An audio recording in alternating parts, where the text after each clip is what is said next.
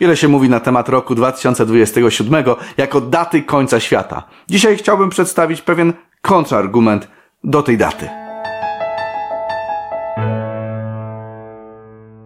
Bardzo bym chciał, żeby Pan Jezus przyszedł w roku 2027, jak niektórzy mówią, że przyjdzie.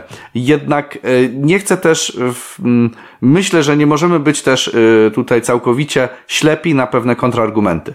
Ja nie wiem, kiedy przyjdzie Pan Jezus, nie mam pojęcia. Niektórzy mówią, i to mnie też tam jest dużo ciekawych argumentów e, odnośnie tego 2027 roku, ale dzisiaj chciałbym, żebyśmy zobaczyli pewien kontrargument. Tak jak mówię, ja wolę, żeby to był ten 2027, już będzie z głowy, już będziemy w niebie, będzie spokój.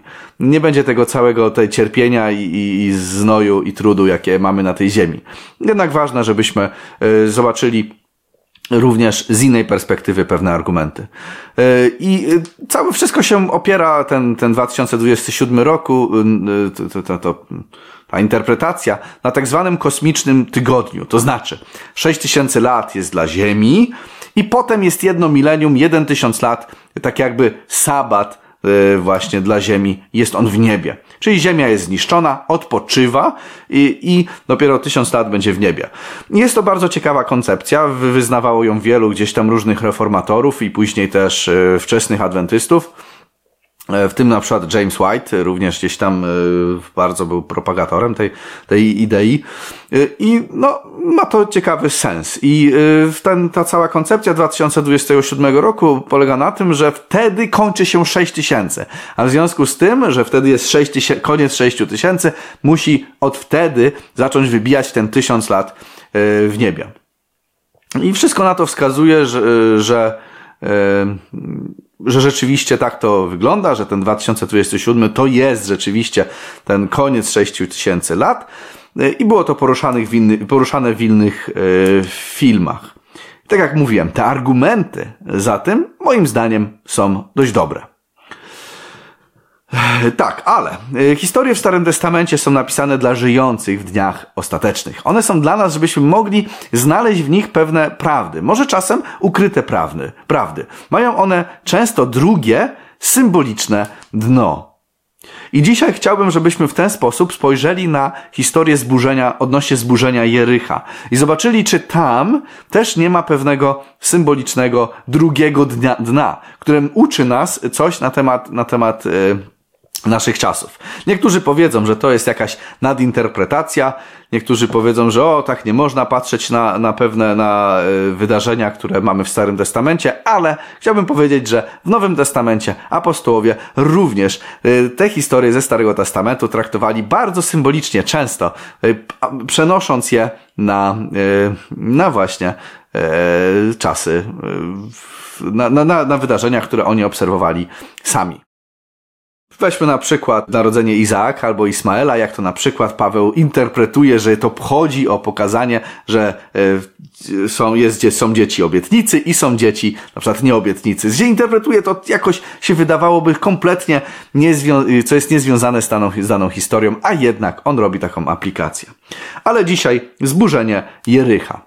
A Jericho było szczelnie zamknięte z powodu synów Izraela. Nikt z niego nie wychodził i nikt do niego nie wchodził. Dla mnie brzmi to troszkę jakby z y, taki ko czas końca łaski. Nikt nie może już wejść ani wyjść, tak jak gdy zamknięto drzwi do arki, tak samo nie można było już do niej wejść ani wyjść. Nawet jeżeli ktoś się po zamknięciu tych drzwi by nawrócił, to już było za późno, żeby cokolwiek z tym zrobić. I my wiemy, że w czasach ostatecznych również będzie wydany taki dekret. Kto jest brudny, niech dalej się brudzi. Kto jest święty, niech, niech dalej się uświęca. Więc będzie miało to miejsce również e, w czasach ostatecznych. I tutaj mamy jakby obraz Jericha, które jest zamknięte. Już nie można do niego wejść ani wyjść. Koniec czasu łaski. Jak, tak jak właśnie zamknięcie drzwi na przykład do, ar no, do arki. Jericho w, tym, w tej interpretacji jest takim typem świata. Ono pokazuje świat pogrążony w grzechu, który jest jakby na chwilę przed zniszczeniem. E, werset drugi przeczytajmy. Wtedy Pan powiedział do Jozłego: Oto dałem w twoje ręce Jericho, jego króla i jego dzielnych wojowników. Hebrajskie imię Jozue to po prostu imię Jezus. I także tutaj musimy wyraźnie widzieć, że Jozue kogo symbolizuje? Oczywiście symbolizuje Pana Jezusa. On jest przecież dowódcą wojsk, tak jak Pan Jezus. I ojciec dał mu sąd nad światem. Tak? I tak jak Jezusowi Pan Bóg dał sąd nad światem, tak samo Jozue, on miał właśnie ten taki sąd. Tak, dałem w Twoje ręce Jericho, tak jak jest tutaj obwieszczone to. I wy, wszyscy wojownicy, będziecie obchodzić miasto, okrążając je raz. Uczynicie tak przez sześć dni. Jezus wraz ze swoją armią, ludzi mu wiernych i aniołów, obchodził świat przez sześć tysięcy lat. Tak samo jak tutaj zostało to obchodzone, tak samo Jezus przez sześć tysięcy lat obchodził świat.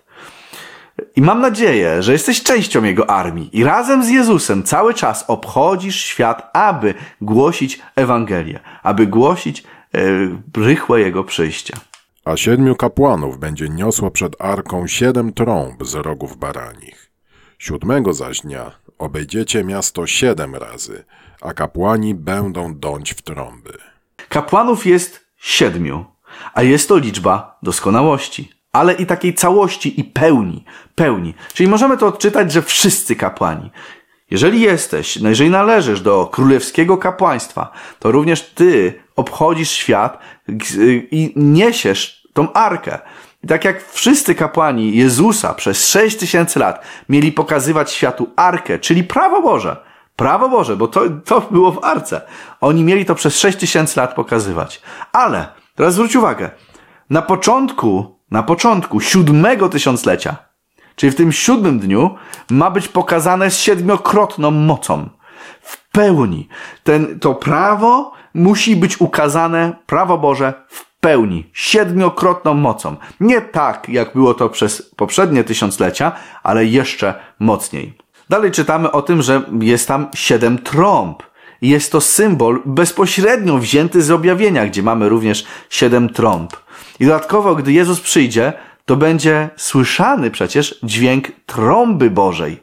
Nie? I w tym siódmym dniu również te trąby, sobie wyobraź ten cały, tą, tą całą sytuację, że te trąby, one sobie tam dmą w te trąby, jest bardzo głośno i dokładnie to samo czytamy gdzieś tam yy, odnośnie przyjścia Chrystusa. Zobacz. Gdyż sam Pan z okrzykiem, z głosem Archanioła i dźwiękiem trąby Bożej stąpi z nieba a zmarli w Chrystusie powstaną pierwsi.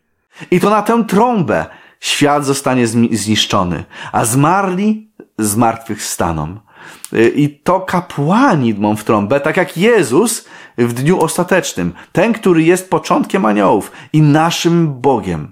Jezus, który jest tym największym arcykapłanem. On będzie tym, który da tą trąbę i wtedy na dźwięk tej trąby, tej trąby e, będzie zmartwychwstanie pośle on swoich aniołów z potężnym głosem trąby i zgromadzą jego wybranych z czterech stron świata, od jednego krańca nieba aż do drugiego.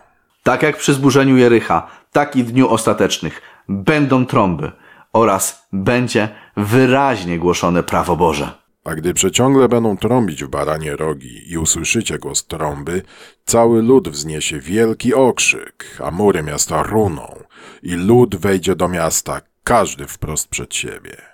Lud Boży wzniesie wielki okrzyk i wtedy mury miasta runą. Przypomina mi to ten werset. A ta Ewangelia Królestwa będzie głoszona po całym świecie na świadectwo wszystkim narodom. I wtedy przyjdzie koniec.